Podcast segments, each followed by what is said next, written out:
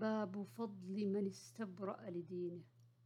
عن النعمان بن بشير قال سمعت النبي صلى الله عليه وسلم يقول الحلال بين والحرام بين وبينهما مشبهات لا يعلمهن كثير من الناس.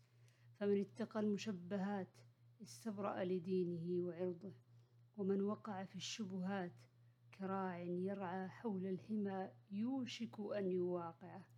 ألا وإن لكل ملك حمى ألا إن حمى الله محارمه ألا وإن في الجسد مضغة. إذا صلحت صلح الجسد كله وإذا فسدت فسد الجسد كله. ألا وهي القلب.